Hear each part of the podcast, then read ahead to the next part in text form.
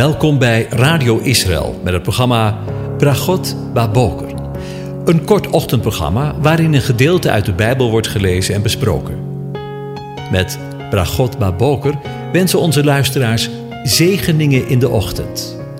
Presentator is Kees van de Vlist. Goedemorgen, Bokatov, beste luisteraars. Vanmorgen denken we weer verder na over Psalm 133 en ik lees de hele psalm voor. Een pelgrimslied van David. Zie, hoe goed en hoe lieflijk is het dat broeders ook eensgezind samenwonen. Het is als de kostelijke olie op het hoofd, die neerdaalt op de baard, de baard van Aaron, die neerdaalt op de zoom van zijn priesterkleed. Het is als de dauw van Hermon, die neerdaalt op de bergen van Sion. Want daar gebiedt de aanwezige de zegen en het leven tot in eeuwigheid. Tot zover. Over priesterschap gesproken.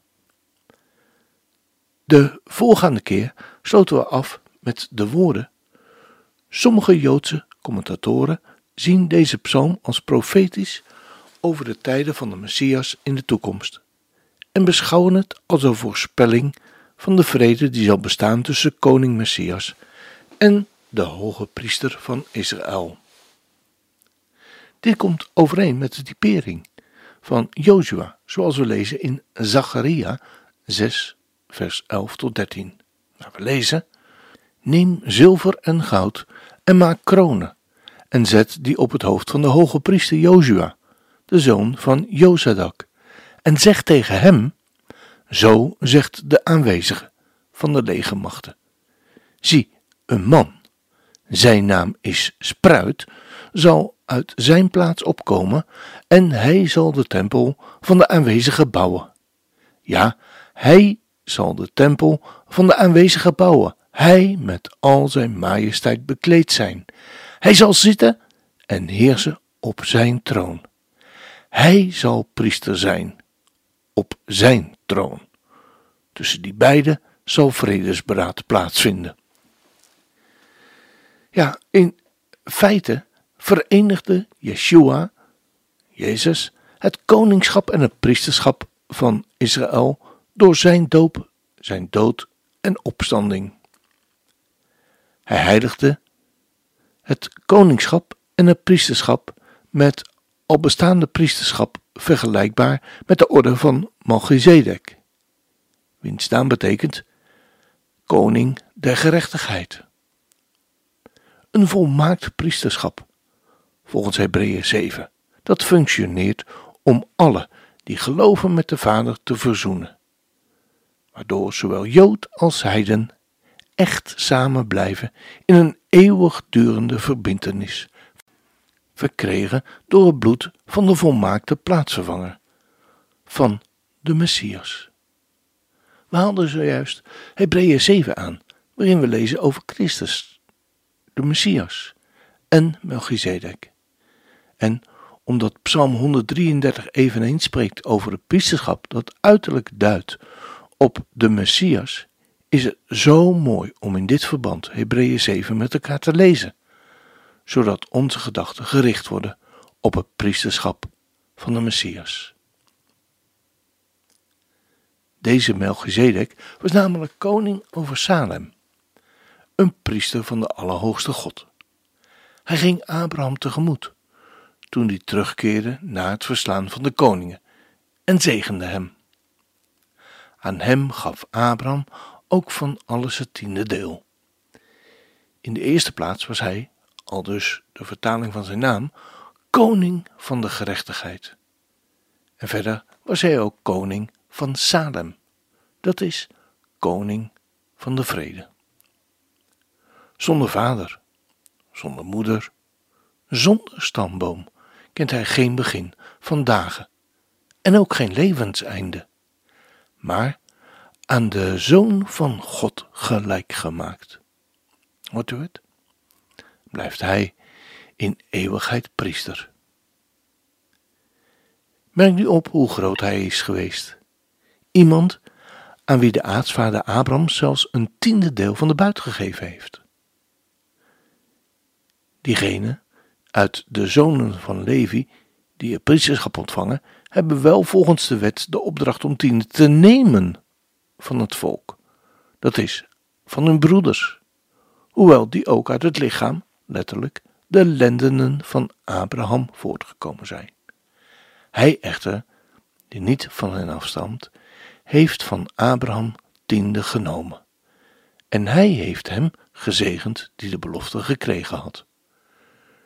Nu is het ontegenzeggelijk zo dat wat minder is, gezegend wordt door wat meer is.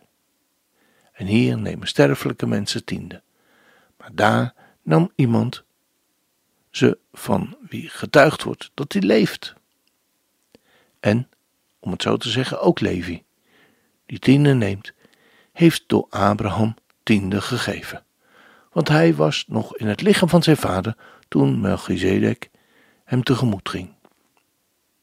Als dan door het Levitische priesterschap de volmaaktheid bereikt had kunnen worden, want onder dit priesterschap had het volk de wet ontvangen, waarom was het dan nog nodig dat er een priester naar de ordening van Melchizedek zou opstaan?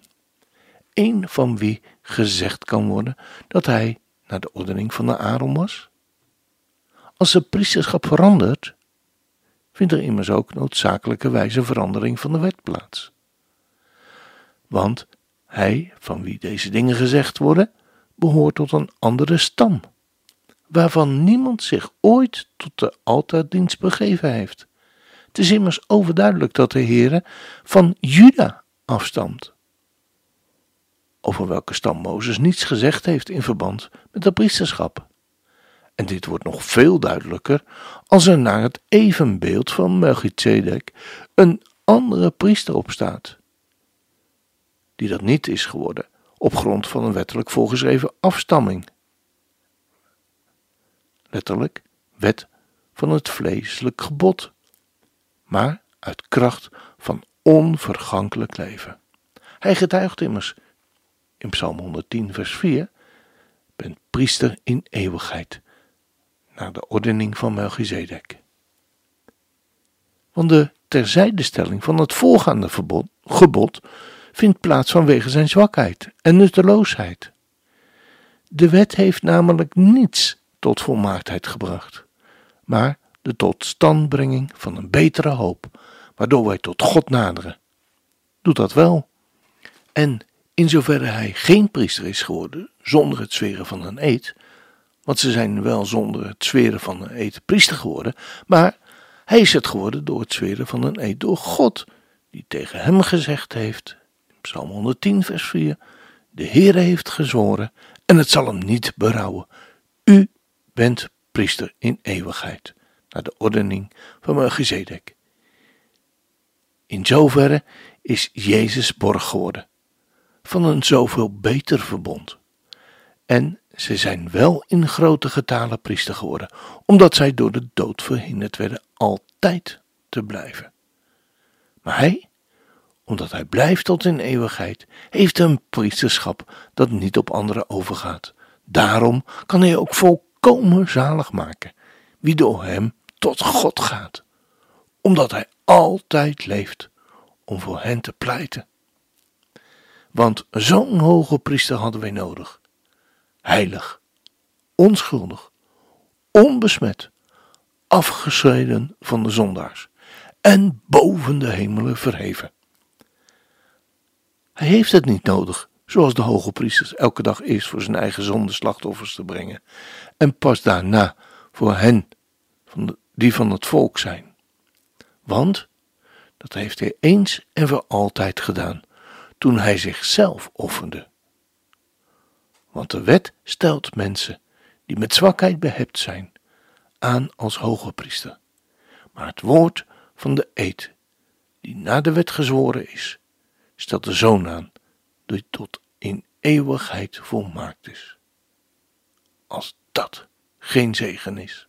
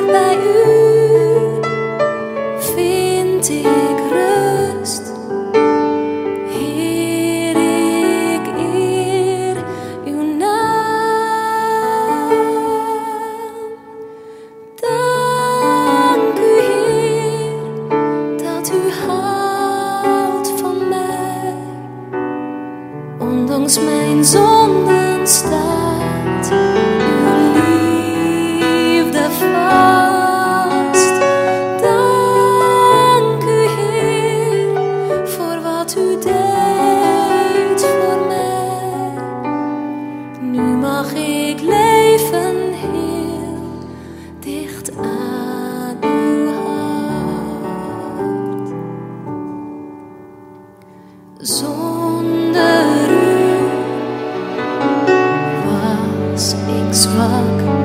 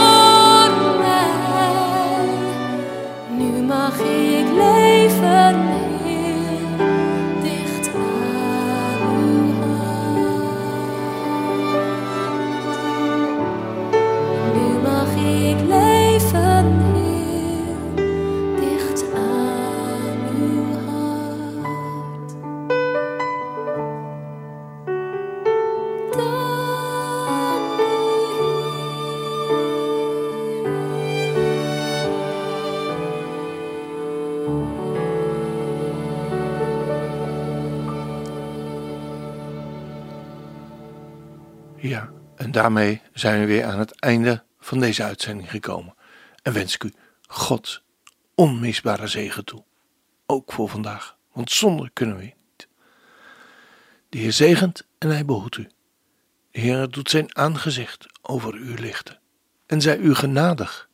De Heer verheft zijn aangezicht over u en geeft u zijn vrede, zijn shalom. Amen.